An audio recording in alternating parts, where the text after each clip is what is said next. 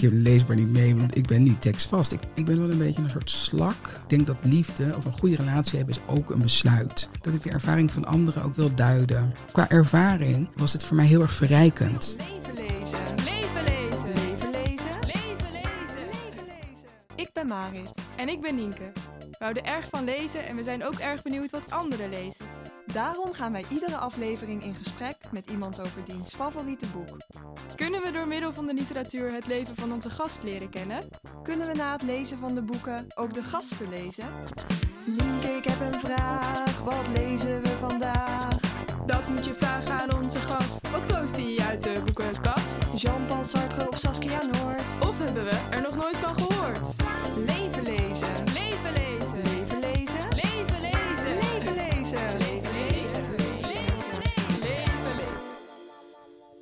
De kleur paars met Bab Schons. Beste God, op mijn trouwdag moest ik voortdurend op de loop voor de oudste jongen. Hij is twaalf.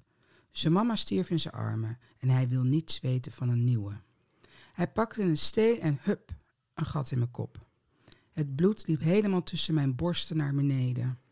Zijn vader zei: Doe dat niet. Maar daar bleef het bij. Hij heeft vier kinderen en geen drie: twee jongens en twee meisjes. Het haar van de meisjes is niet gekamd sinds hun moeder is gestorven. Ik zei tegen hem dat ik het zou moeten afscheren, opnieuw laten groeien. Hij zei jammer om het haar van een vrouw te moeten knippen. Goed, nadat ik mijn hoofd zo goed en zo kwaad als het ging had verbonden en eten had gekookt, ze hebben een bron, geen waterput, en een oven zo groot als een vrachtwagen, zette ik me aan het werk om mijn haar uit de klit te halen. Ze zijn pas zes en acht en huilden. Ze gilden. Hun beschuldigden mij van moord. Tegen tienen was ik klaar. Ze huilden hunzelf in slaap. Maar ik huilde niet. En De kleur paars is een briefroman uit 1982 geschreven door Alice Walker. En het speelt zich af in de Verenigde Staten aan het begin van de vorige eeuw, toen armoede en segregatie grote problemen werden. En in De kleur paars volgen we Celie, die al eh, jong te maken krijgt met een ondermijnende echtgenoot en allerlei andere ellende, zoals racisme. En ze schrijft ze haar verdriet van zich af in brieven aan God. En op een gegeven moment ontmoet ze de vrijgevochten zangeres Chuck Avery, die Celie helpt haar eigenwaarde later in haar leven terug te winnen. En zo is het uiteindelijk ook heel erg een verhaal over een vrouw die haar recht op het leven bevecht.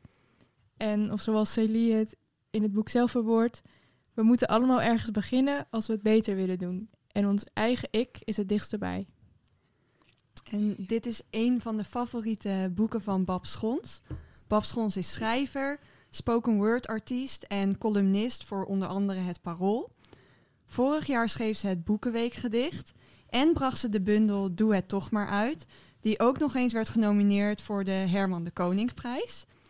Ook is ze binnen haar vakgebied veel bezig met de organisatie van dingen. Zo heeft ze in Paradiso een podium georganiseerd voor jonge dichters en schrijvers. En ook was ze de oprichter en artistiek leider van Poetry Circle No- Nowhere. Vandaag gaan we het met haar hebben over haar leven en over het boek De Kleur Paars. Eh, een boek dat ze ook zelf heeft ingesproken als luisterboek bij uitgeverij De Geus. Hoi Babs, heel erg leuk dat wij bij jou op bezoek mogen komen. Ja, nou, hartstikke welkom. En eh, nou, eigenlijk hadden we al een tijdje geleden afgesproken, maar je bent wel twee keer eh, besmet geweest met het eh, coronavirus. Ja, en dat ja. was eigenlijk niet niks. Nee, nee. Hoe is het nu met je? Ja, ik ben wel herstellende. Maar ja, die tweede besmetting die was best wel pittig. Die heeft me wel even een paar weken eruit gegooid. Ja, Ja, nou hopelijk blijft het in een stijgende lijn gaan en Ja. is het binnenkort allemaal verleden tijd. Ja, ja. Ja, en de doorgeefvraag van de vorige aflevering die komt van hoogleraar Matthijs Sanders.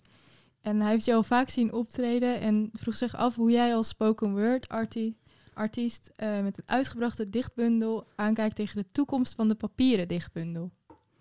Ja, ik denk ehm, dat eh, het podium en papier altijd wel samen zullen blijven gaan. Ehm, ik heb heel lang zonder papier, zeg maar, ben ik dichter geweest. Eh, maar het is wel echt een meerwaarde om dan toch een boek te hebben. En ehm, ik denk dat, dat de meeste podiumdichters ook wel graag gewoon hun werk in print zien. En ik denk ook dat het nodig is, omdat je anders nooit door iedereen mee naar huis genomen kan worden.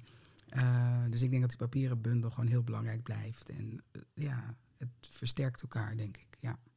Oké, dus de, het papier is eigenlijk belangrijker dan de ervaring die eigenlijk een spoken word uh, evenement brengt. Nee, nee, nee, dat niet.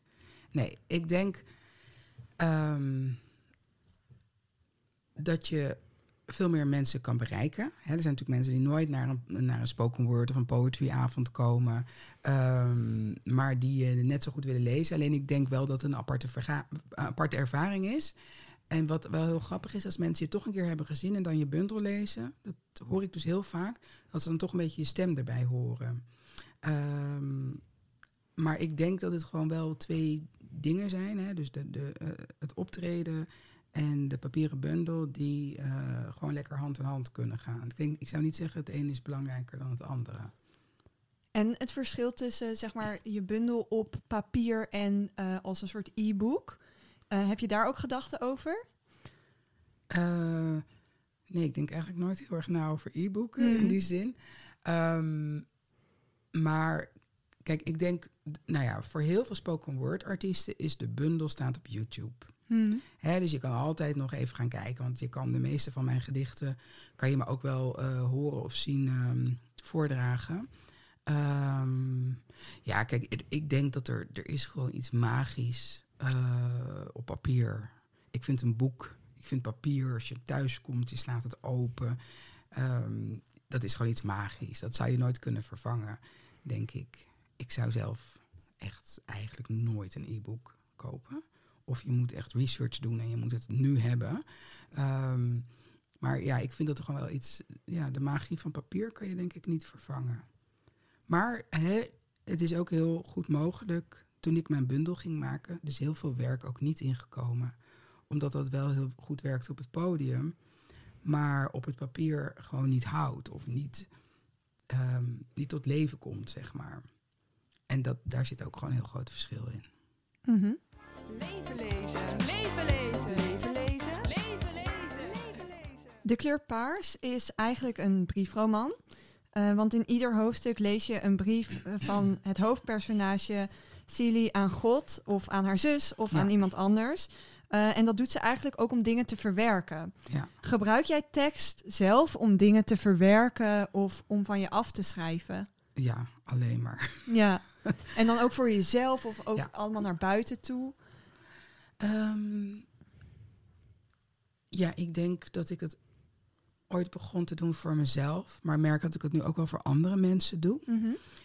En dat is natuurlijk heel simpel als je in opdracht werkt, maar ik heb ook wel eens zeker in mijn columns, dat ik denk dat ik de ervaring van anderen ook wil duiden. En omdat ik ook wel gewoon graag schrijf over menselijk gedrag, wat, iemand mens, wat, wat ons mens maakt, weet je wel, de ervaring daarvan. En dat is, heeft nooit alleen maar betrekking op mezelf. Het is altijd groter. Um, en dat is eigenlijk een soort constant onderzoek. En voor mij is schrijven echt gewoon duiden, verwerken. Oh, ook troost en van alles. Maar vooral denk ik een verwerken. Ja. En je zei dus dat dat eerst vooral voor jezelf was. Uh, wanneer begon dat? Dat je voor jezelf het begon op te schrijven om dingen te verwerken? Ja, nou, ik heb echt nog stukjes tekst van dat ik denk, nou, acht, negen was. Um, dat ik al een schriftje zat te schrijven. En soms van die one-liners. Heel depressief. Als ik het nu teruglees, denk ik, jeetje. Maar goed, dat was natuurlijk ook een manier om, um, ja, om dingen aan het papier toe te vertrouwen. En ik heb ook altijd dagboek geschreven, maar daarnaast schreef ik ook wel gewoon losse gedichtjes en mm -hmm. verhalen en zo. Is echt best wel jong al, ja. En weet je ook nog wanneer uh, het moment kwam dat je dacht, ik wil het ook naar buiten brengen? Ja, dat weet ik eigenlijk nog heel goed. Uh, want dat was toen ik in New York kwam. En dat is eind jaren negentig geweest. En daar zag ik eigenlijk voor het eerst dat nou, mensen zoals ik, van mijn leeftijd, uh, mijn achtergrond, um, op het podium stonden en op een andere manier dan ik kende uh, tekst voordroegen, mm. poëzie brachten, zeg maar. En ik was altijd wel gegrepen door de hip-hop, vooral de verhalende vorm van hip-hop. Grandmaster Flash en uh, ook door Linton Kwesi Johnson. Daar had ik wel platen van. En Gil Scott Heron, uh, dat kende ik. En, um, en The Last Poets. Maar dat waren toch. Het waren sowieso allemaal mannen. Mm -hmm. uh, die heel ver woonden, weet je wel. En die ook over, ja, over dingen rapten en dichten. die toch iets verder van me vandaan stonden. Maar toen kwam ik in New York en toen kwam ik terecht op een aantal spoken word avonden. En toen kwam het heel dichtbij. En toen dacht ik, oh, dit is dus ook een manier om voor te dragen over thema's die ik eigenlijk hè, niet bij andere dichters had gehoord. Over een belevingswereld die gewoon raakte aan die, aan die van mijzelf. Um, en toen dacht ik, oh ja, dit is, dit is een vorm, uh, een manier waar ik gewoon heel enthousiast van word. En um, ja, toen dacht ik voor het eerst, ik ga echt schrijven voor het podium. Ik ga het schrijven om te delen. En hoe heb je dat toen gedaan? Dat je echt het podium bent gaan opzoeken? Nou, toen ik naar New York terugkwam, uh, toen ben ik hard op zoek gegaan. En er was af en toe een avondje hier of een open mic had je toen ook wel eens in de stad. Um, en die had een programma ook, dat stopte. En toen dacht ik, nou dan moet ik het maar zelf gaan doen. En toen ben ik, uh, ik kreeg de gelegenheid om in een kraakpand in Amsterdam een avond te organiseren. En uh, ik heb toen flyertjes gemaakt en rondgedeeld, open mic, spoken word. En heel, ja, heel veel mensen wisten nog helemaal niet wat het was. Maar toch kwam daar echt uh, hopen mensen op af. En uh, een maand later hebben we die avond herhaald. En toen ben ik uiteindelijk heel snel bij Paradiso terechtgekomen. Daar heb ik uh, een jaar of negen elke maand een avond georganiseerd. Maar goed, toen stond ik dus heel erg uh, achter de schermen, ja, bezig met het organiseren. Ja. ja. en ik trad in het begin wel zelf op, maar niet op mijn eigen podium. Uh, dus dat heeft eigenlijk ja, heel lang stilgelegen, totdat ik in 2014 dacht van nou, toen was ik ondertussen al artistiek leider van de Poetry Circle. En toen dacht ik van nou, nu, als ik nu niet zelf op het podium ga staan, of vaker, dan... Uh, krijg je zo'n situatie dat je op je sterfbed denkt van, hé, shit, had ik maar wat meer uh, ja, voor mezelf gekozen. Dus toen ben ik eigenlijk uh, ja, fulltime als uh, autonoom spoken word artiest gaan werken. Ja, en je zei dat je in het begin vooral ook voor jezelf schreef, maar daarna ook meer voor ook andere mensen. En zijn er dan bepaalde thema's die altijd terugkomen? Of zijn het altijd andere dingen die, waar je over schrijft? Um, ja, ik denk dat je wel dat mijn blik wat meer naar buiten gericht werd. Alhoewel dat qua thematiek niet hoeft te verschillen. Ik schrijf ook wel gewoon wat. Ja, ik, ik, schrijf, ik zeg altijd, ik schrijf uit vijf veetjes. Uh, soms herinner ik me maar vier, maar verwondering, verontrusting, verbazing. Uh, wat is die andere nou? Nou ja, goed, drie zijn er soms. Vandaag zijn het er drie. Ja, verontrusting, verontwaardiging, verwondering. Um, dus ja, thema's kiezen jou ook. Ja, je loopt tegen dingen aan. Um, ik merk dat ik wel heel sterk reageer op dingen die nu gebeuren, op actualiteit. Um, maar ook Ik kreeg vaak opdrachten ook om over iets te schrijven. En dat, um, ja, dan moet ik altijd op zoek gaan naar, resoneert dat bij mij? Um, is er iets waar ik aan aanmaak? En ik schrijf toch wel vaak uit persoonlijke ervaring en, en, en uh, de ervaringen van mensen om me heen, van mensen die ik ken. Um, ja, maar goed, dat, is denk ja, ik, nou ja, wat ik eigenlijk zei, ik denk dat die blik wat meer naar buiten is gericht. Um, en ik vind het soms ook een uitdaging om te schrijven vanuit een ervaring die niet van mij is.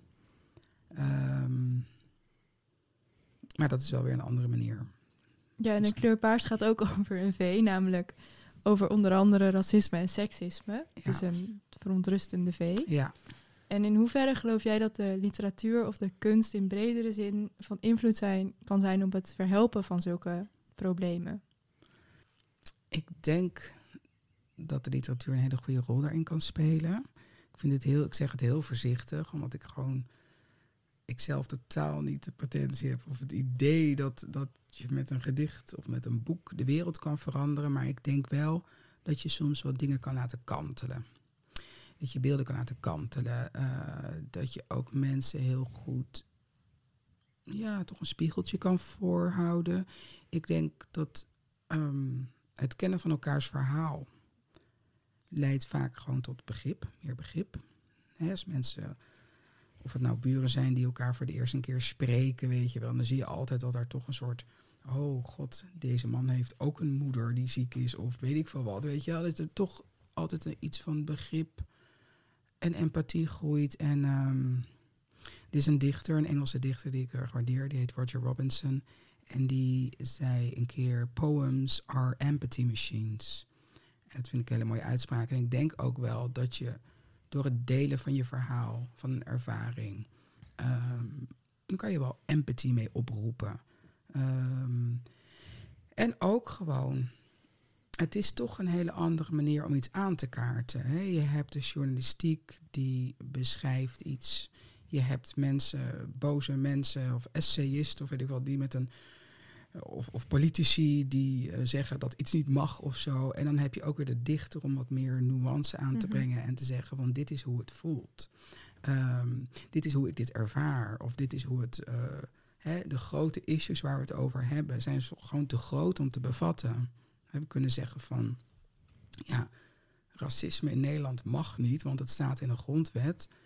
En daar is iedereen al mee eens, maar daar hoef je ook helemaal niks bij te voelen of geen beeld bij te krijgen. Maar als je het laat zien wat het doet met iemand die, ik noem maar even een 17-jarige scholier die door zijn achternaam maar geen stage kan krijgen, keihard studeert eh, daarvoor, net zo hard als de mensen die wel een stage kunnen krijgen, dan is, dan is zo'n verhaal ehm, waarschijnlijk veel indrukwekkender en spreekt het veel meer tot de verbeelding. En dan kan je iets bij voorstellen, dan geef je het een gezicht. En ik denk dat de literatuur ehm, die dingen een gezicht kan geven, een stem, een smoel, waardoor je ja, toch veel eh, dichterbij kan komen in die zin. Ja. En ik merk het zelf soms, want ik krijg wel feedback. Weet je wel, dat je ja, toch mensen zeggen van, goh, hm, hey, zo had ik er nooit over nagedacht. Of ehm, Over gedichten die jij schrijft? Of, Ja. ja. Ja. En hoe krijg je die feedback dan tot jou? Ehm, ja, via alle kanalen die Mm. mensen maar hebben. Mail, eh, na het optreden of weet je, via social media. Eh, nou, een voorbeeld. Ik heb een, een soort stuk, een act wat ik doe met twee andere mensen. En dat gaat over racisme, waarin we eigenlijk op een hele ludieke manier allerlei vooroordelen die we te horen krijgen achter elkaar plakken. Ehm, en eh, dat hebben we ook een keer gedaan op Kitty Kotti voor de NOS. En dan kreeg ik heel veel reacties van mensen die zeiden van... ik heb dit aan mijn ouders laten zien, Mm. met wie ik hier nooit over kan praten... maar dit was een goede gespreksopener. En ik denk ook als je dat soort dingen, die gewoon groot zijn en moeilijk... Hè, als je mensen vertelt, dit mag niet, dit is niet goed... dan is dat vaak heel lastig. Maar als je humor gebruikt hè, om iets aan te kaarten... dat dat ehm, veel vaker een gespreksopener kan zijn. Omdat Ja. je niet met je vingertje in iemands gezicht hebt gezegd van... jij bent fout, maar meer dat je zegt van... dit is het effect Ja. van iets. Net als met bijvoorbeeld Zwarte Piet. Zoveel mensen eh, in het begin hun hak in het zand zetten... omdat ze dachten, als ik nu ehm, Zwarte Piet laat gaan... dan betekent dus dat ik een racist ben of was. Terwijl je ook gewoon kan zeggen... hé, hey, ik weet nu beter, want ik heb van Ja. mensen gehoord dat dat pijn kan doen. Eh, dat dat lastig is. En dat, en dat is gewoon, denk ik, een andere manier. En ik denk dat je dat ook wel met verhalen eh, kan bereiken. Ja, met kunst. Ja. Ja. ik vind het ook wel mooi dat je dan zegt dat mensen dan tegen jou hebben gezegd van dit is een manier om aan mijn ouders te laten zien eh, ja, dat er iets mis is of een gespreksopener kan zijn. Ik hoorde zelf toevallig gisteren een podcast waarin werd gezegd van het ging over protestsongs. En toen zeiden zij van ehm, een probleem is wel dat protestsongs dan alleen maar het publiek hebben van mensen die het er al mee eens zijn. Ja. Ehm, bijvoorbeeld in de linkshoek van de mensen die die protestsongs luisteren, die zijn het eigenlijk eens met de boodschap. Dus wat bereik je dan met zo'n protestsong? Maar dat is wel dat je dan nu zegt van als je het aan je ouders laat zien, dan eh, bereik je misschien wel een andere groep Precies. Ja. dan het publiek dat het al ja. ja, heeft. Ja, nou, precies wat je zegt. Ik denk dat de mensen die het zien, dat is het publiek dat je al hebt. Maar Ja. als zij het weer even meenemen naar iemand anders. Of, dat, is, dat merk ik sowieso al met het boek. Hè? Dus dat je eerst eigenlijk op podia staat te praten voor een publiek dat al heel welwillend naar jou komt luisteren. Hè? Mhm. En, eh, eh, en, maar zo'n boek weet je niet waar het allemaal terecht komt. Weet je? Dat komt ook een puntje van Groningen terecht, waar ik dan nooit ben geweest. Of eh, in Maastricht. en bij mensen die eh, niet per se de doelgroep zijn van de, de performances. Dus dat merk je ook al, dat merk ik ook al in de reacties, dat dat een ander publiek is. Leven lezen. Leven lezen. Leven lezen. Leven lezen. Leven lezen. Nou, weer even terug naar het boek. Ehm, de zangeres Chuck Avery, eh, die ehm, is een inspiratiebron voor Celie. Maar ze gaat ook naar bed met de echtgenoot Ja. van Celie, ondanks dat ze weet dat hij haar mishandelt. Ze vindt dat overigens wel heel erg, maar ze houdt ook van de echtgenoot. Ehm, ben jij zelf iemand die de mensen om je heen eh, goed kunt aanspreken op gedrag dat eigenlijk niet door de beugel kan? Oeh, wat een vraag. Jeetje, ben ik iemand die mensen aanspreekt? Ehm, ik denk altijd dat ik niet echt ehm, oordeel. Of mensen in die zin... En dan heb ik het eigenlijk over mijn werk. Kijk, als ik op Mhm. straat een vechtpartij zie... of een man een vrouw zie slaan... dan zal ik er echt wat van zeggen. Ja. Ehm, ja, kijk, ik, ik denk dat je altijd verschillende middelen hebt om, om dingen aan te kaarten. Ehm, ik denk het wel, ja. Ik denk het wel. En ik denk ook dat ik het in mijn werk doe. Ehm, maar dan op een... Ja, ik denk dan wel op een verhalende manier. Of ja, hoe zeg je dat? Mm, Een indirectere manier misschien. Ja, kijk, ik heb natuurlijk ook wel eens eh, wel een aantal gedichten geschreven over hoe het is om vrouw te zijn, hoe het is om s'nachts, weet je wel, door het donker alleen en eh, wat wij eigenlijk allemaal doen, vrouwen, om ons eh, te beschermen. Ehm, dat we allerlei trucjes hebben, weet je wel, sleutels tussen de tussen je vingers, eh, je fietslot in je hand, een hoodie aantrekken als je uit bent geweest, heel snel fietsen, zorgen dat je Google eh, of dat je live locatie Ja. aan hebt voor de mensen thuis, eh, kijken achter wie er achter je loopt in het raam, al dat soort dingen. En dan merk ik dat ik heel veel reacties krijg, maar ook van mannen die zeggen van ik had eigenlijk helemaal geen idee ehm, dat het zo lastig is. Dat je zo op je hoede moet zijn als vrouw. Dus in die zin denk ik dat ik mensen wel aanspreek. Mhm. Ehm, maar goed, jouw vraag was meer als ja, ik mensen, mensen. om je heen. Ja, maar ik heb niet echt. De, ik weet niet of ik mensen om me heen heb die hele, van dit soort hele nare dingen doen. eh. Nou ja, dit is natuurlijk een heel extreem voorbeeld, maar meer als er ook iets kleins gebeurt ehm, waar je het eigenlijk niet mee eens Of bent. bijvoorbeeld in de supermarkt. Ja, ja, als ik iemand iets zie stelen bijvoorbeeld. Ja, bijvoorbeeld. Oei, is wel een gewetensvraag. Ehm, ik weet het niet. Ik zie dat niet echt. En, en, en het ligt er ook aan wie. Ja, ik denk zelf bijvoorbeeld bij mezelf dat ik mensen niet echt aanspreek in mijn omgeving, omdat ik gewoon heel graag de vrede wil bewaren. En dan Ah, niet zeg maar de confrontatie aan wil gaan. Ja. En ik vind dat eigenlijk een hele slechte eigenschap van mezelf. Maar dat ik denk, oh, het kan maar beter gewoon goed blijven en dan zeg ik er wel niks Hmm. van. Ja, ja, ja. Ja. Nou, ik merk dat ik wel de laatste tijd veel meer op mijn hoede ben. Waar je vroeger misschien eh, in het verkeer zeker dat hè, mensen die heel lullig gedrag vertonen aanspreekt. Dat ik nu heel vaak denk, eh, slik het maar even in. Laat maar even. Maar dat is Hoe gewoon omdat dat ik, dan? nou, omdat ik gewoon bang ben voor de agressie van mensen. Omdat ik gewoon echt de belachelijkste dingen af en toe zie Maar dat gebeuren. zegt meer over hen dan over jou. Ja, ja, ik. ja. ja. Ja. Ehm, ja, ik, ik kan er heel slecht op antwoorden, omdat ik even niet iets voor de geest kan halen Hmm. of zo. Maar ik denk wel dat ik heel snel als makkelijk iets kan zeggen wel. Kun je een- makkelijk confrontatie aangaan met mensen?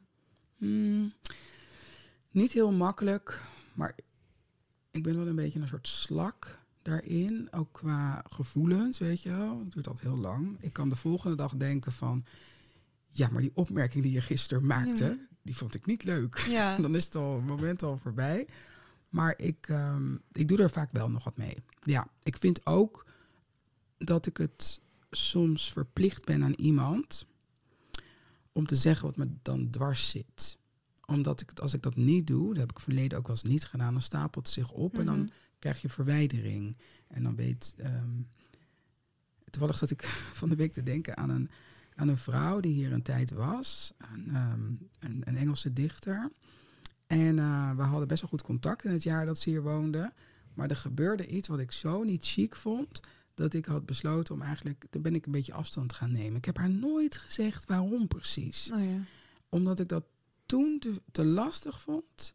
En zij ging ook verhuizen en alles en zo. En nu denk ik wel eens, zal ze nou wel eens niet denken van... Goh, die babs, we waren zo goed bevriend en dan hoor je nooit meer wat. En dan denk ik, ja, laat maar. Je moet ook een beetje, ja, choose your battles, denk ik ook soms. Mhm. Weet je wel, je kan niet aan iedereen heel veel aandacht besteden. En als ze nu nog weer terug zou komen, dan zou ik dat nog een keer gaan uitpraten. Maar sommige dingen zijn misschien niet meer de moeite waard. Ja. Kost ook veel, hè? Ja, zeker. Nou ja, goed. Als jij als confrontatie vermijden weet dat misschien niet, maar ja. Ja, maar het is inderdaad wel ook wat jij zegt, dat je dan achteraf gaat denken van had ik het misschien maar wel gezegd. ja. Ook voor beide kanten Ja. eigenlijk. Niet Ja. alleen voor jezelf, maar ook voor de ander, dat diegene ook weet van oké, iemand anders heeft daar ook last van wat ik doe of zo. Ja. Ik vind het zelf ook eigenlijk best wel fijn om gecorrigeerd te worden. In de zin van de paar keer in mijn leven dat iemand heeft gezegd van nou, ik vind dat echt een hele vreemde kant van je. Ben je eigenlijk wel dankbaar voor. Omdat je soms niet goed jezelf ziet, weet je wel. Mhm. En ik vind het ook heel wat dat iemand die moeite neemt om tegen je te zeggen van ja, als je nou elke ochtend zo zagrijnig in dat huis stelt, dan heeft dat een invloed op dit huis. Ik zeg maar wat, weet je wel. Mhm. Ik was vroeger heel zagrijnig ochtends. dat heb ik helemaal niet meer. Omdat ik het op een gegeven moment ook gewoon zag van... Je wil niet die invloed hebben. Je wil niet zo'n kamer binnenlopen met een slecht humeur. En dat iedereen dan een slecht humeur is. Omdat ze allemaal een beetje een soort plaatsvervangend zagrijnig worden of zo. Nou, dan... Het is soms ook een beetje een soort cadeautje. Dat je denkt van, hé, hey, ik word... ehm, nu ik dit weet, ga ik eh, een leuker mens worden, bijvoorbeeld. Ja, en in de kleur paars eh, zie je ook heel goed dat Celine gedurende de roman heel erg veel wijzer wordt en dus veel leert. Ja. En wat is- dan ook zo'n belangrijke levensles voor jou eh, dat je veel van andere mensen kan leren? Of Ja, zeker. Kijk, ik denk wat met haar gebeurt is dat zij ja, echt zo'n empowerende, zelfbekrachtigende bekrachtigende, eh, reis eh, maakt. Wat ik echt heel mooi vind. Ehm, het siert haar ook, weet je wel. Waar ze vandaan komt, waar ze naartoe gaat. Het gaat op zich vrij langzaam. maar elk vlak, hè. Dus niet alleen maar... Nou ja, het gaat heel erg over, over het zelfbeeld natuurlijk. Ehm, en Ja, was het is ook juist ook zo mooi dat je het zo langzaam ziet. Dat het Ja. heel erg stapsgewijs gaat. En dat je ook iedere pagina dan weer een millimeter verder bij een betere Celie komt. Ja, ja. Nee, dat is En- echt prachtig om te Ja, zien. ik vroeg me eigenlijk af dus wat de belangrijkste levensles was die je hebt geleerd de afgelopen paar jaar of in je leven. Oeh, de belangrijkste. Ja, of een belangrijke. Belangrijk, ja. Ehm, misschien toch wel om, ik zeg nou niet dat ik dat helemaal ben, maar wel een beetje unapologetic jezelf te zijn. Ehm, en te zorgen dat er niet zoveel, zo weinig mogelijk binnenkomt wat jou kan schaden of jou. ehm, de blik van andere mensen op jou, daar heb je eigenlijk niet zo heel veel aan. Eh, je moet het toch allemaal zelf doen, weet je wel. Zij zitten niet in dit lichaam en niet in deze geest en in dit, dit huis, zeg maar. Ehm, en dat is denk ik best wel belangrijk om te doen. Om gewoon echt wel, ehm, ja, jezelf gewoon echt helemaal zonder verontschuldiging jezelf te zijn. Ehm, en je gewoon niet zo laten af te leiden van jouw eigen mens te zijn, je eigen pad. Ik denk dat. En nog een andere les die ik ook heb geleerd is dat vooral emoties, die kunnen je zo ehm, doen geloven dat dat nodig is. Weet je wel, dat je helemaal met die gevoelens leeft. Ik heb heel lang best wel, kon best wel heel erg emotioneel zijn en je daardoor laten leiden. En hoe ouder je wordt, hoe meer mensen je verliest. En nou, je kan je heel veel. ehm, je kan eigenlijk heel lang in de rouw zijn. Je kan elke dag wel, want ja, ik heb best wel veel mensen verloren. En eh, dat doet me nog steeds heel veel. Maar ik heb er wel op een gegeven moment een soort van gekozen, als dat ook kan. Of in ieder geval naartoe gewerkt, dat je niet constant door die emoties wordt geleid. Ehm, En En- hoe, hoe ben je daar gekomen? ja, het is heel makkelijk om te zeggen dat je een knop omzet, want dat is niet zo. Maar ergens kan je het wel besluiten. Ik denk dat heel veel dingen in het leven gewoon een besluit zijn. Ik denk dat liefde of een goede relatie hebben is ook een besluit. En dat zegt niet dat het altijd werkt, maar ik denk wel dat we heel vaak ook vergeten om te besluiten van dit is wat ik wil en hier ga ik aan werken. Ehm, en zo denk ik dat ik toch wel op een dag dacht van dit is zoveel leed. Ik kan hier heel erg eh, onder bezwijken of heel erg door geleefd worden. Of ik ga gewoon zorgen dat er ook een plek voor is, maar dat die plek niet zo heel groot is en, en ehm, mijn hele leven beheerst. En dat is wel echt een besluit geweest. Ja. Mooi. Ja. Nou, in het boek ehm, is iemand die Celie heel erg helpt om haarzelf te worden zangeres eh Jacques. Eh, zij raakt in de ban van haar, maar eigenlijk ook van haar muziek. Ja. Naar wat voor muziek luister jij? Oh, nou, heel veel. Ik ben ook, eh, voordat ik eh, veel optrad, DJ geweest. Oh. Ehm, ja, er staan daar nog een heleboel platen om de hoek ook, boven op zolder. Ehm, ik luister heel veel verschillende muziek. Kun je ons meenemen naar uiterste Ja. van Oh, ja. muzieksmaak? Ehm, nou, ik hou wel heel erg van soul Mhm. muziek. Ik hou ook heel erg van reggae. Ik hou van disco. Ik hou van jaren 70, jaren 80 muziek. Eh, ook van rock. Ik heb ook heel veel rock geluisterd vroeger. En ehm, zelfs punk en hard rock. Ehm, ik luister ook wel heel veel singer-songwriters. Ik luister de laatste tijd, omdat ik heel veel moet schrijven, dan luister ik altijd klassiek. Ik hou ook van opera. En stel dat je nou nog maar één ja. muzieksoort mocht luisteren in je leven. Ja, ja. Ehm, nou, dan denk ik dat het toch soul is. En als je dan zegt, je mag maar één album meenemen naar een onbewoond eiland, dan zeg ik twee. En dan zeg ik Bill Withers en Nina Simone, denk ik. Ja, je Ja. zegt net ook dat je dus DJ bent geweest. Ben Ja. je zelf dan ook eh, muzikaal? Nee. Je zou jezelf niet muzikaal eh, als muzikaal beschouwen. Want je hebt toch ook een bepaalde muzikaliteit nodig om DJ te zijn? Of niet? Nou ja, ik hoef niet zelf een. ehm, ja, nee, ik heb wel. eh, ja, maar ik kan niet een instrument bespelen. En eh, zingen gaat ook niet altijd goed, als je Mhm. dat bedoelt. Maar zeker wel. En ik heb heel veel ritme. Mhm. Ik kan ook heel goed Ja, dansen. ritme is natuurlijk ook gewoon een, een Ja, muzikaliteit. ja, precies. Ja, ja, ja. En maar- eh, ja. ja. Want muzikaliteit en ritme zijn ook best belangrijk in spoken word, kan Ja. ik me zo voorstellen. Ja. En in eh, de kleur paars staan vorm en inhoud ook heel erg met elkaar samen. Hoe zie jij dat in spoken word vorm en inhoud ook zo'n rol spelen? Hoe werk je Ja. daarmee? Ehm, nou, ik denk dat het al begint bij het schrijven. Ik zeg ook altijd, ja, ik schrijf hardop. Ehm, en er zit een ritme in. Zeker in het voordragen. Ik moet zeggen dat ik er zelf nooit zo super bewust van ben om te, laat, om, om te zeggen, dit is het ritme of zo. Maar ik wel altijd terughoor van, je hebt een bepaald ritme. Maar dat, dat begint eigenlijk bij het schrijven. Het schrijven gaat al in een ritme. En dan ga ik het tot leven brengen op het podium. En dan merk ik ook, en het ritme verandert ook wel, maar het is wel, het is een compositie. Ehm, dus er speelt in mijn hoofd altijd wel iets af van, een, ja, er speelt een ritme af waarbinnen ik, waarbinnen ik, ja, voordraag. En je zei net ook dat het ritme wel verandert. Is dat dan ook dat het ritme verandert gedurende je leven? Dat je in het begin een ander ritme hebt Ja. dan nu? Zeker omdat ik toch altijd ambieer om elke keer dat ik eenzelfde stuk voordraag, dat ik dat opnieuw doe. Ehm, ik geef mezelf ook altijd de opdracht, want ik denk, heel veel van mijn gedichten ken ik echt feilloos uit mijn hoofd. En toch moet ik voor elk optreden opnieuw